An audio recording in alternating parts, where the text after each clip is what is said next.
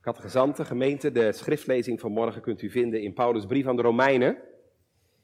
Brief van de gemeente van Rome. En wel het tiende hoofdstuk. Waaruit u zal worden voorgelezen de eerste dertien versen. Dus Romeinen 10, vers 1 tot en met 13.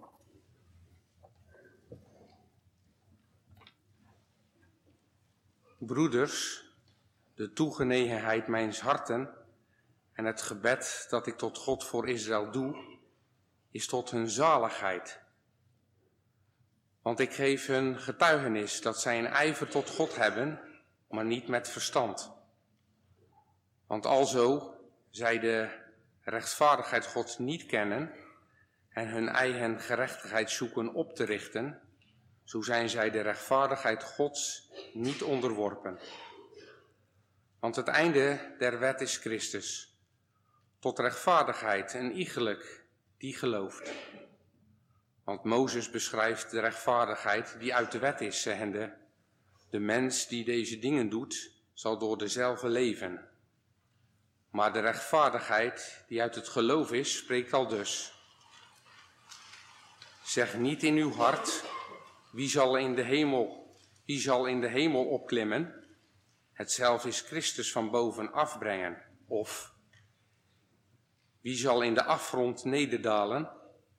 Hetzelfde is Christus uit de doden opbrengen. Maar wat zegt, wat zegt zij?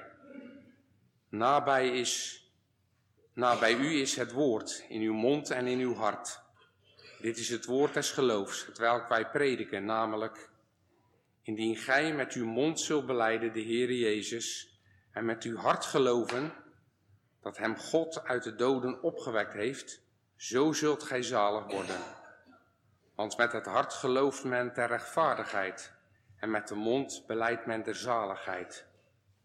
Want de schrift zegt, een iegelijk die in hem gelooft, die zal niet beschaamd worden. Want er is geen onderscheid, nog van Jood, nog van Griek, van eenzelfde is Heere van allen, rijk zijnde over allen die hem aanroepen. Want een iegelijk die de naam des Heeren zal aanroepen, zal zalig worden. Wat moet je doen om zalig te worden? Ja, gemeente, kattegezanten, dat is een belangrijke vraag. Wat moet je doen om zalig te worden, om gered, om behouden te worden? Nou, ik kan gerust zeggen, dat is een van de belangrijkste vragen in je leven. Dat is ook een vraag, gemeente, die we allemaal in ons leven moeten leren stellen. Wat moet ik doen om behouden, om gered te worden? Om bij God te kunnen horen. Hey, stel je eens voor dat iemand dat aan jou zou vragen, kattegezanten. Wat moet ik doen om gered te worden? Wat zou je zeggen? Wat zou je antwoord zijn? Je weet, Paulus maakte dat een keer mee, hè? Toen hij in Filippi was, stelde die gevangenbewaarder zomaar midden in de nacht die vraag: Wat moet ik doen om zalig te worden, om gered te worden?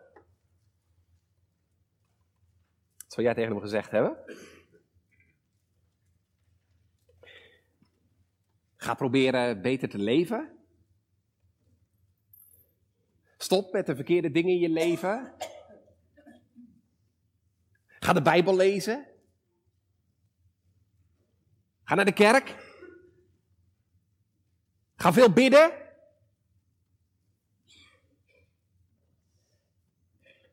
Ja, maar dat zei Paulus niet. Zijn natuurlijk allemaal goede dingen natuurlijk. En toch zei Paulus dat niet. Wat zei hij dan wel tegen die man?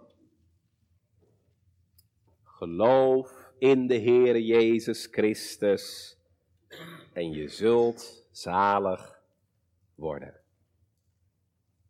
En dat is het goede antwoord. Dat is het enige goede antwoord. om gered te worden, om behouden te worden, moet je geloven in de Heere Jezus Christus.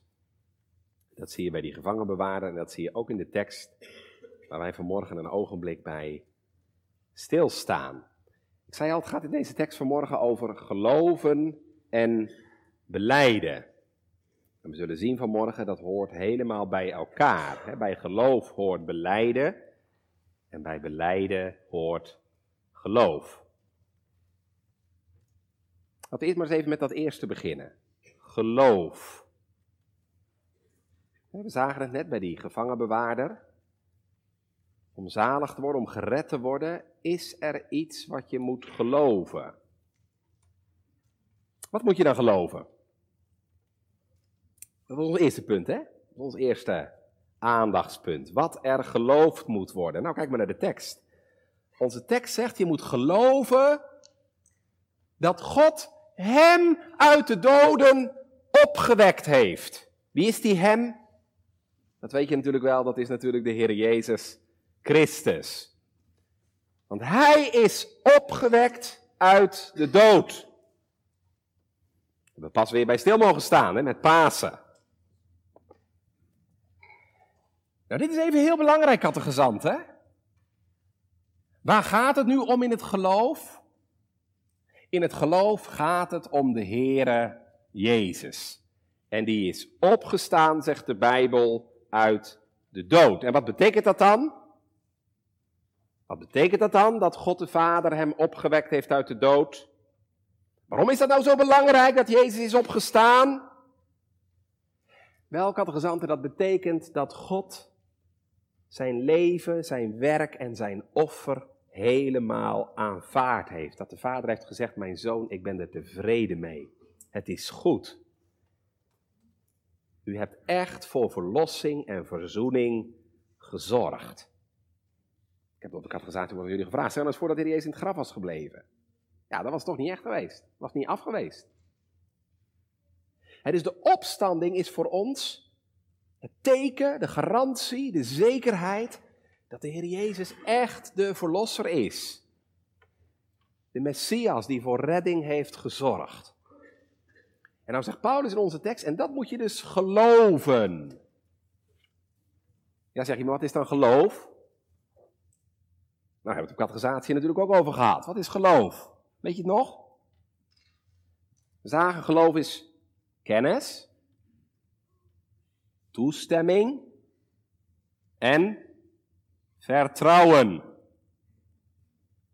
geloof betekent dat je inziet en begrijpt dat de Heer Jezus voor redding en verzoening heeft gezorgd. Dat is kennis. Dat je dat ook toestemt, dus dat je daar van harte mee eens bent.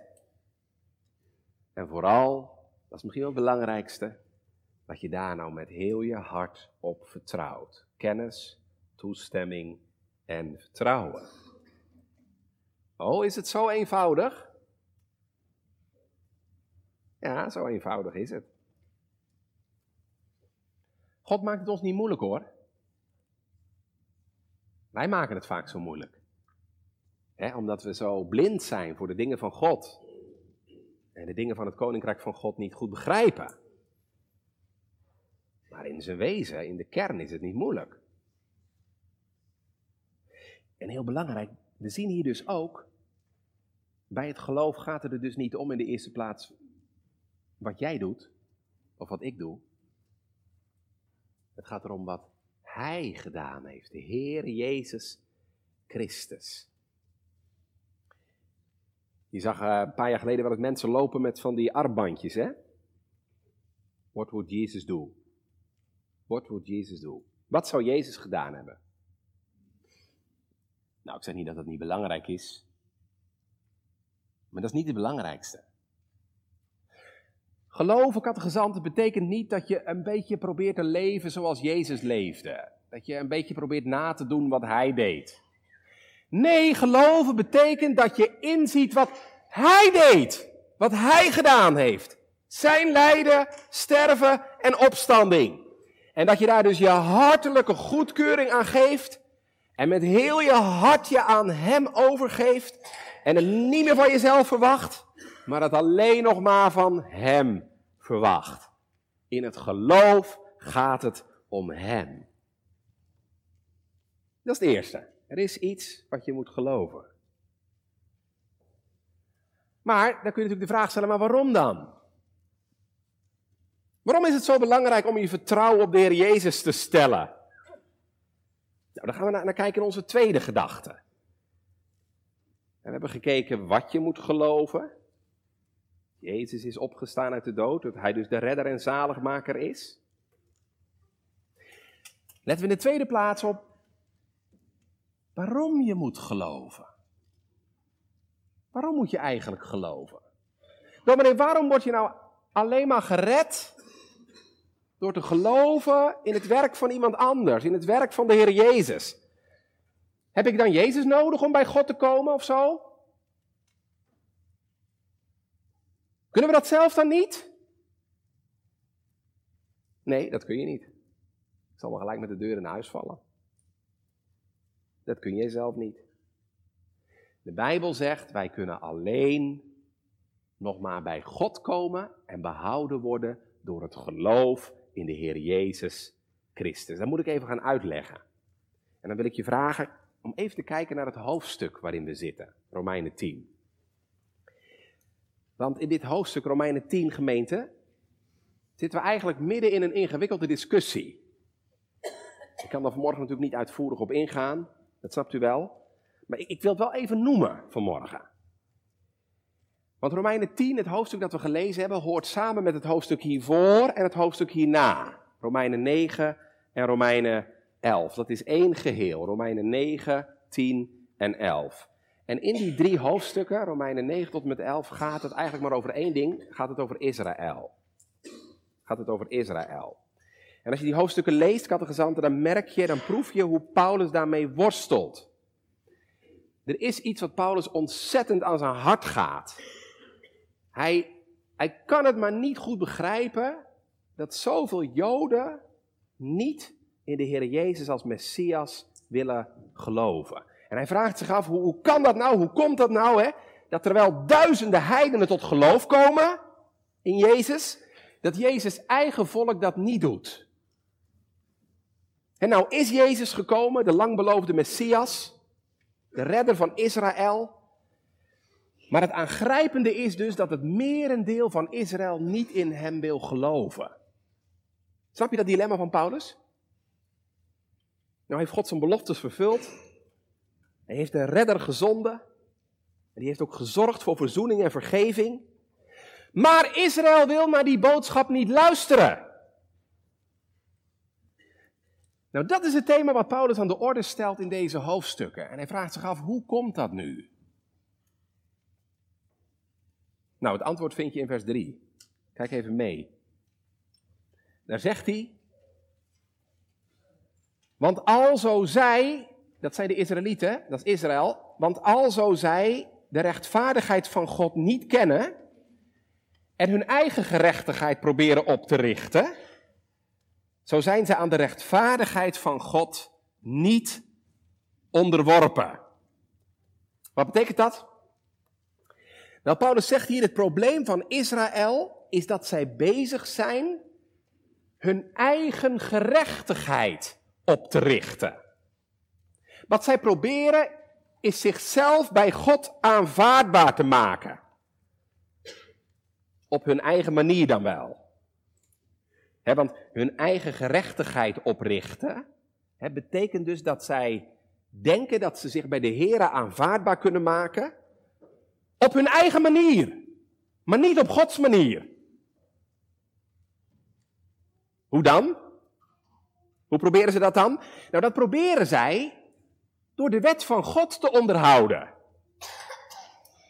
Israël denkt dat ze door God aanvaard worden als ze maar stipt zich aan de geboden van God houden. Ja, dan zeg je misschien, maar dat is toch geweldig, dominee? Het is alleen maar goed. Het is alleen maar goed als je aan de wet en de geboden van God probeert te houden. Zouden we toch allemaal moeten doen? Dan zou de wereld er heel anders uitzien. Toch? we ons allemaal nou eens aan het vijfde gebod zouden houden. Hè? Kinderen respecteren hun ouders. En er zouden geen moorden meer gepleegd worden en er zou geen echtscheiding meer plaatsvinden. Dat zou toch geweldig zijn? Ja, natuurlijk, dat zou ook geweldig zijn, kattegezanten. Alleen, zie jij het gebeuren? Nee, hè? Nee, want het kan niet. Het kan niet meer. Wij kunnen die goede wet van God niet meer houden. Het sinds dat wij ons in het paradijs van God hebben losgemaakt, zijn wij niet meer in staat om de Heer te gehoorzamen. Wij kunnen God dus niet meer geven wat Hij van ons vraagt. Geen dag van je leven nog. Want God is zo volmaakt, zo perfect, zo heilig. En God vraagt dus ook voor ons volmaakte, perfecte gehoorzaamheid. dat je hem lief hebt met heel je hart en met heel je ziel en met heel je verstand. Dat je hem gehoorzaam bent en dat je al zijn geboden doet. Maar gemeente, wie kan dat? Heb jij God lief met heel je hart? Met al je kracht? En lukt het u om elke dag 24-7 zijn geboden te gehoorzamen en te doen? God zegt, u hoorde het straks in de tien geboden, God zegt, gij zult niet begeren, gij zult niet begeren. En lieve gemeente, wij doen niet anders dan begeren. Geld, geluk, bezittingen, mannen, vrouwen. Dus er gaat geen dag voorbij of wij overtreden die goede geboden van God. Jij kunt de wet niet houden, zegt de Bijbel, want je bent een zondaar. En als u het niet gelooft, dan zou ik tegen u willen zeggen: ga het maar eens proberen, gemeente. Want juist als je in je leven gaat proberen om naar Gods wet te leven en je gaat het serieus je inspannen om dat te doen, zul je erachter komen dat je het niet kunt en dat het je niet lukt. Dus in plaats van dat je de wet houdt, veroordeelt die wet jou. Klaagt die wet jou aan. De wet maakt je niet beter. Nee, het is juist andersom. De wet laat juist onze slechtheid zien, onze zondigheid. En dat betekent dus gemeente dat wij allemaal, dat geldt voor alle mensen, niet alleen voor u en mij, maar dat geldt voor ons allemaal. Dat betekent dat wij allemaal staan onder het oordeel van God en zijn wet. En want juist als ik ga proberen om niet te begeren, kom ik erachter dat ik het juist steeds doe. Dus dat ik Gods gebod helemaal niet kan houden. Dus gemeente, en nou komt het, want dat is natuurlijk de conclusie. Je kunt wel proberen om door je eigen inzet en je eigen gehoorzaamheid rechtvaardig te worden. En dat probeerde het volk Israël. Maar dat lukt je niet. Kijk, en als je dat nou gaat zien hè, in je leven, dan ga je beseffen, ik kan het zelf nooit goed maken. Zie je dat? Geloof je dat? Het is nodig, gemeente, dat we dat zien. Eerlijk beleiden, ik heb tegen u, o Heer, zwaar en menigmaal misdreven. Kijk, en als je dat ziet en dat gelooft, dan besef je, ik kan het zelf niet goed maken. Het enige waardoor het goed zou kunnen komen is als God mij genade bewijst. Als God mij genade schenkt. Dat God het met mij goed maakt. Door mijn zonde te vergeven. Dus ik ga even terug naar de tekst, vers 3. Wat is het probleem van Israël? Paulus zegt, zij proberen hun eigen gerechtigheid op te richten. En dat betekent dus, ze proberen zichzelf bij God aanvaardbaar te maken. Maar ze zien helemaal niet dat dat niet kan. Dat het hun helemaal niet lukt. Dus langs die weg, gemeente, kom je niet bij God. Zo kom je niet bij God. Wij net zo min. Jij komt niet bij God door je eigen inspanningen door dit te doen en dat te laten. En wat vinden wij dat ontzettend moeilijk, hè? Want ik wil zo graag wat doen. Jij toch ook? Ja, dat zit zo diep in ons, gemeente. Hè, dat je iets moet doen om het weer goed te maken met God. Kijk maar naar de islam. Als jij maar goed genoeg hebt geleefd, als jij maar een vrome moslim bent geweest, als je maar genoeg goede werk hebt gedaan, dan komt het goed. Dan kom je in de hemel. En daarom zie je in alle godsdiensten dat mensen zich op allerlei manieren hun best doen en zich inspannen om maar in een goed blaadje te komen bij God of bij de goden. En mensen brengen offers in de hoop dat dat de goden gunstig stemt. Mensen gaan op bedevaart naar Mekka om hun zonde goed te maken en gaan zo maar door. Alleen werkt dat? Accepteert God wat wij doen? Is dat wel genoeg? En je kunt ook afvragen, is het ook goed genoeg? Nou, dat heb ik al gezegd en nee. Het is helemaal niet genoeg en het is ook niet goed genoeg. Want ik zei net, God is volmaakt en God wil een perfecte, volmaakte gehoorzaamheid. Die wil in mijn leven volmaakte liefde en volmaakte toewijding aan Hem. En dat heb ik niet en jij ook niet. Dus gemeente, zo komen we er niet. Maar weet je wat nou het grote wonder is? En dat mag ik vanmorgen vertellen. De Bijbel zegt, er is een andere weg. Er is een andere manier om bij God te komen. Niet, niet wij maken een ladder van onze goede werken waarmee we naar God kunnen klimmen. Nee, zegt de Bijbel, het is precies andersom. Wat is er gebeurd in Bethlehem? Er lag een kind in de kribbe. Wie was dat? De zoon van God. De redder en de zaligmaker. God kwam naar ons toe. Niet wij maakten een ladder naar hem, maar hij maakte een ladder naar ons. En gemeente, dat is nou de grote boodschap die je in al Paulus' brieven tegenkomt. Dat is nou de boodschap van het evangelie. God is naar ons toe gekomen.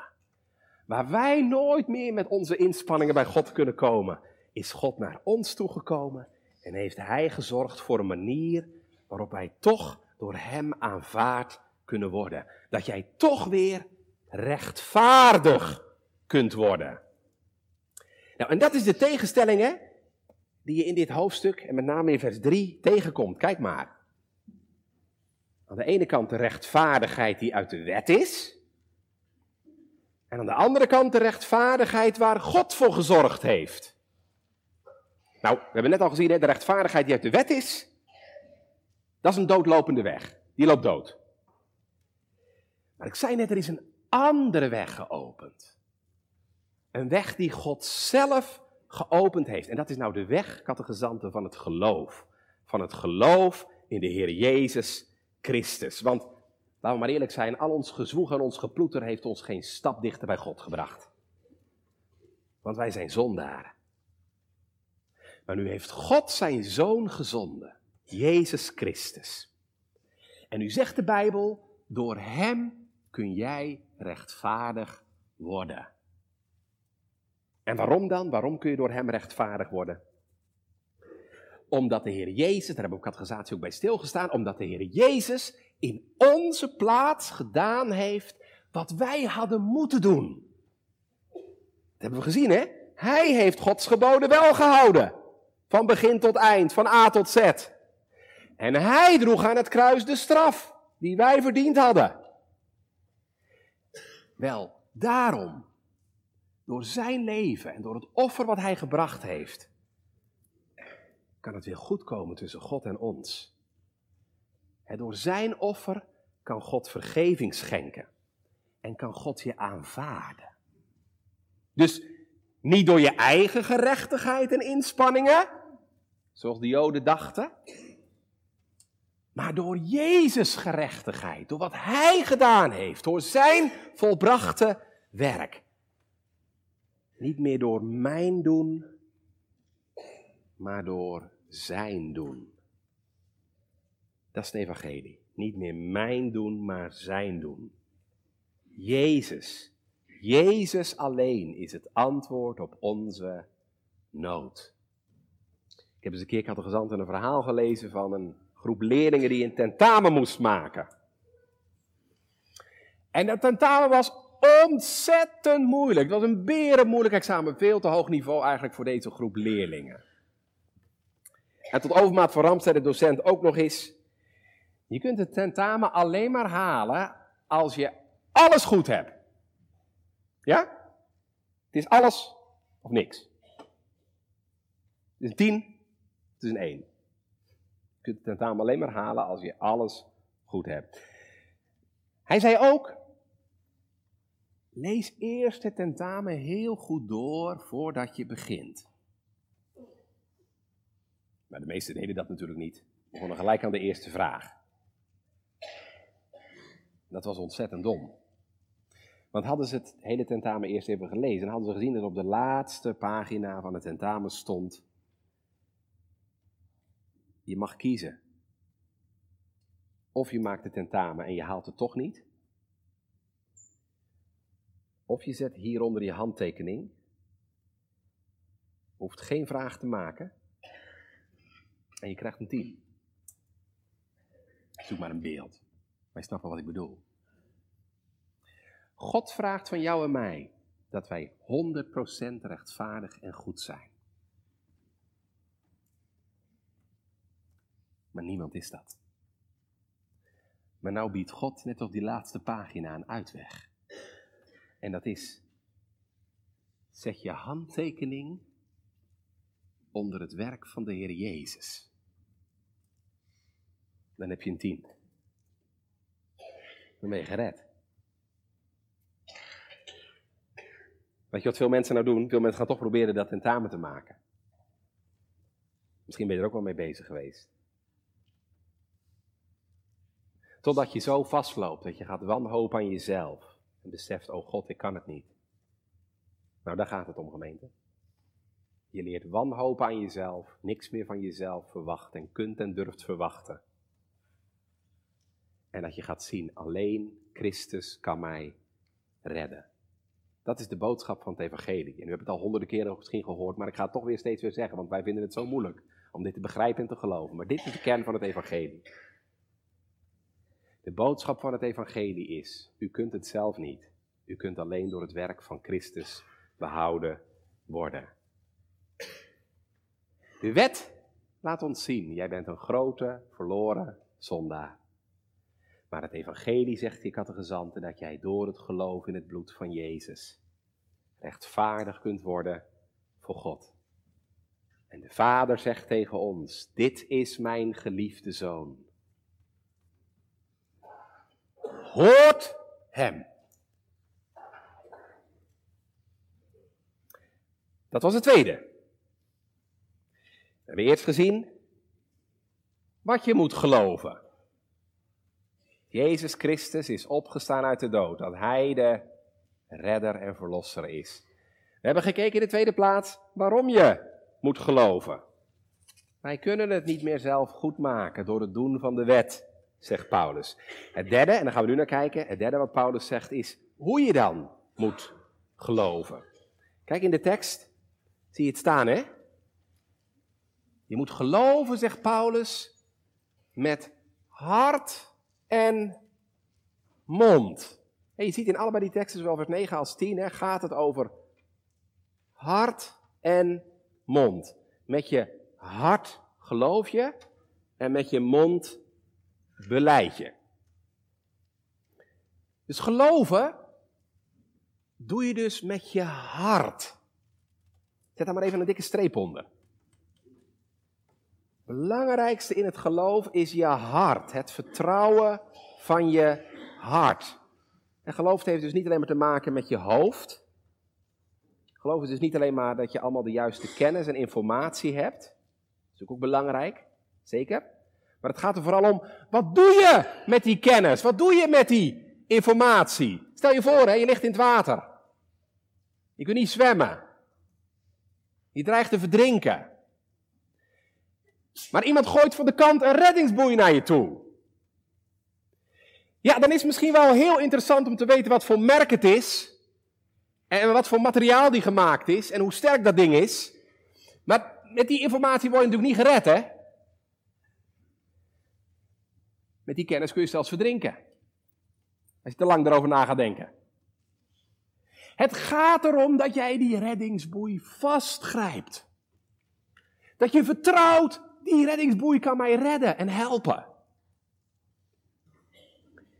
En dus als Paulus hier zegt, geloven doe je met je hart, dan betekent dat dus vooral, kattegezanten, dat je je overgeeft aan de Heer. Dat je Hem vertrouwt met je hart. Dat je inziet, hè, ja, de Heer Jezus is precies de redder, de zaligmaker die ik nodig heb. Precies de redder en zaligmaker die past bij mijn nood. Bij mij is zonde, maar bij Hem is genade. Bij mij is schuld en bij Hem is vergeving. Bij mij ongerechtigheid, maar bij Hem gerechtigheid. Bij mij duisternis, maar bij Hem licht. Bij mij de dood, bij Hem het leven. Geloof je dat? Geloof je dat de Heer Jezus alles heeft wat jij niet hebt, maar wat jij wel nodig hebt? Geloof je dat er bij Hem genade is en vergeving en gerechtigheid en licht en leven? Oh, geef je dan aan Hem over. Klamp je vast aan de Heer Jezus. En zeg het maar, Heer, ik geloof dat uw bloed mij reinigen kan. Ik geloof dat uw gerechtigheid genoeg is voor al mijn zonden. Ik geloof, Heer, dat u alleen de honger van mijn hart kunt verzadigen. Dat is geloof. Hartelijke overgave. Met je hart. Maar, zegt Paulus, daar blijft het niet bij. We zeggen ook wel eens, hè, dat spreekwoord ken je wel, waar het hart vol van is, loopt de mond van over. Dus dat geloof van je hart, dat moet je ook beleiden met je mond. En als het goed is, is dat geen moeten. Ik zeg nou moeten, maar dat is natuurlijk geen moeten. Als het goed is, wil je dat ook graag. Want je bent er vol van. Geloof van je hart wordt beleden met je mond. Ja, de Heer wil dat we zijn naam beleiden voor de mensen. Dat wil God uit jouw mond horen. En dat mogen anderen hier vanmorgen in de kerk horen. Ik stond een paar weken geleden in Rotterdam op het uh, station. En het perron stond helemaal vol met uh, voetbalsupporters. Feyenoord speelde een of andere belangrijke wedstrijd. Europa League of zo. Nou, je hoefde echt niet te vragen voor wat voor clubs ze waren, die mensen.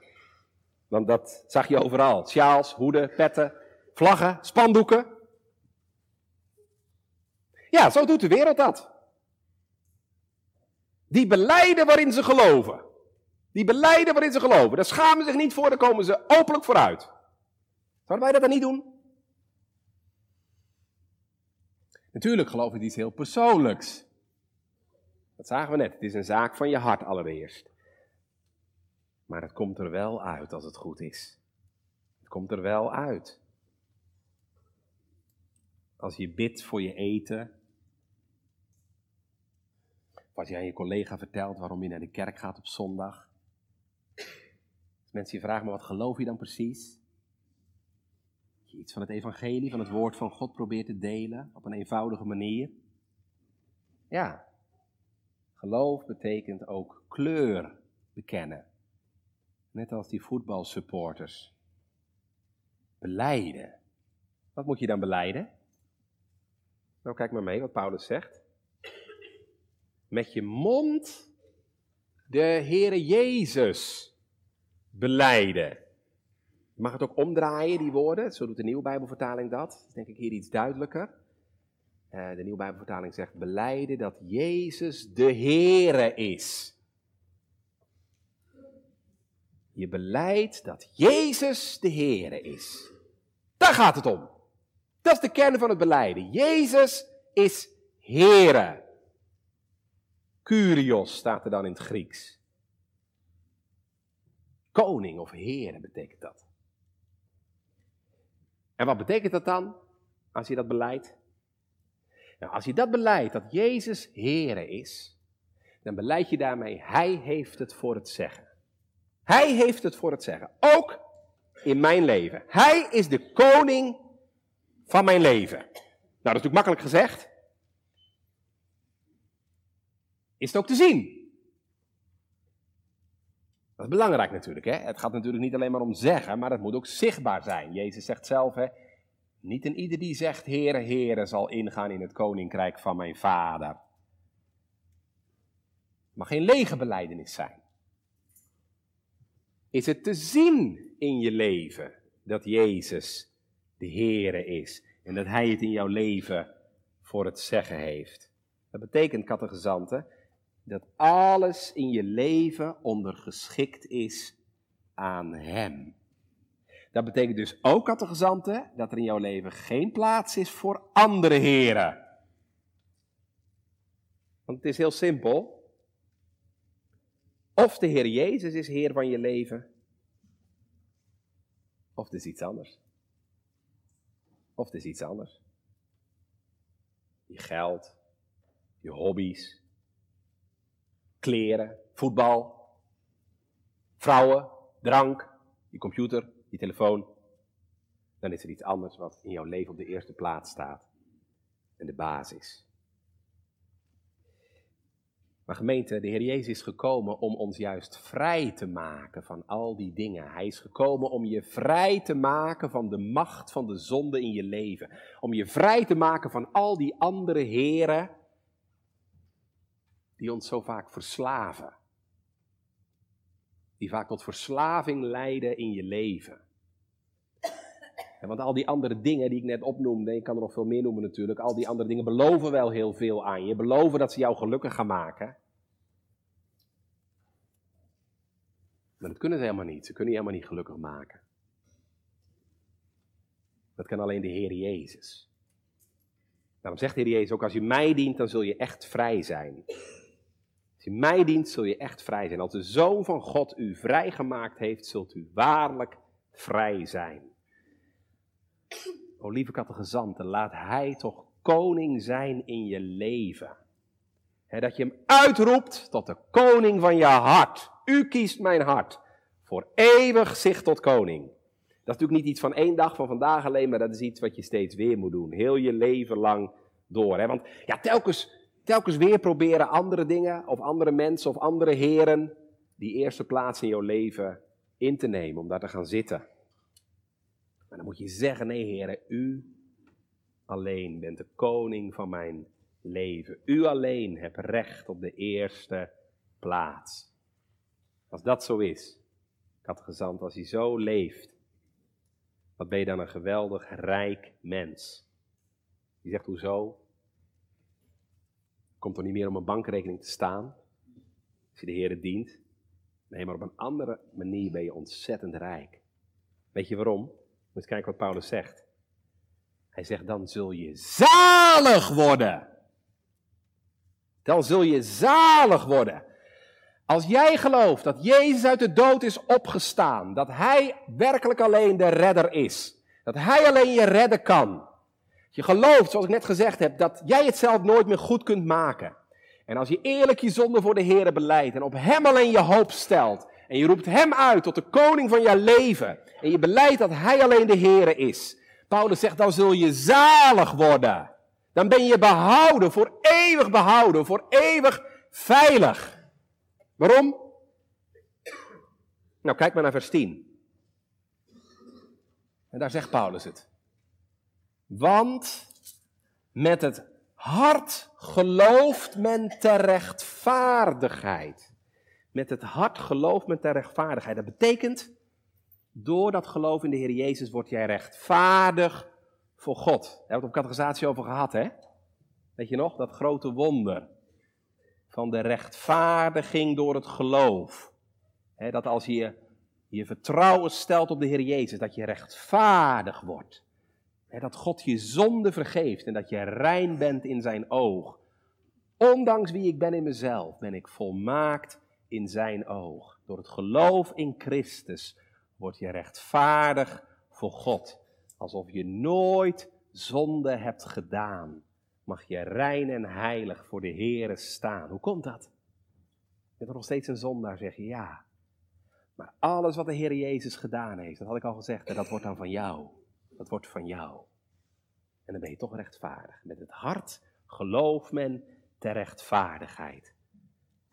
Dan ben je nu al een kind van God.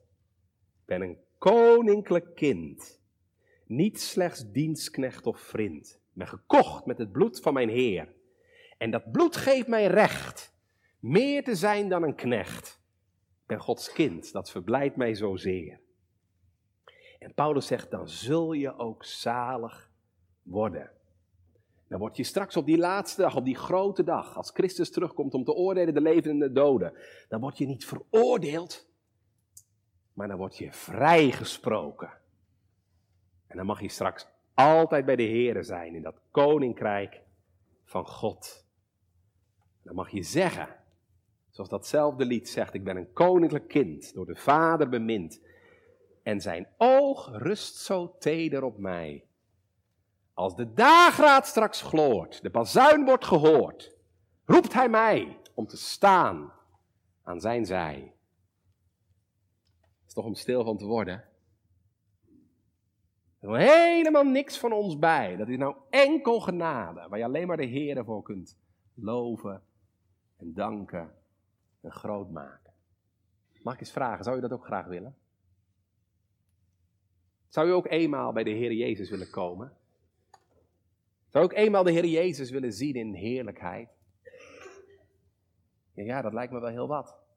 Dat lijkt me wel heel mooi en groot. Wat moet je er nou voor doen? Wat moet ik doen om zalig te worden? Wees eens eerlijk, hoe lang zoekt u er al naar? Je zoekt er misschien al zo lang naar. Maar je weet niet hoe het moet. Misschien denk je dat je iets groots moet doen. Of iets heel bijzonders moet meemaken waar je op zit te wachten. U zit misschien op iets groots te wachten in uw leven. Maar zal ik u zeggen, gemeente, weet u dat God al iets heel groots heeft gedaan? Weet u niet dat God al iets heel groots heeft gedaan?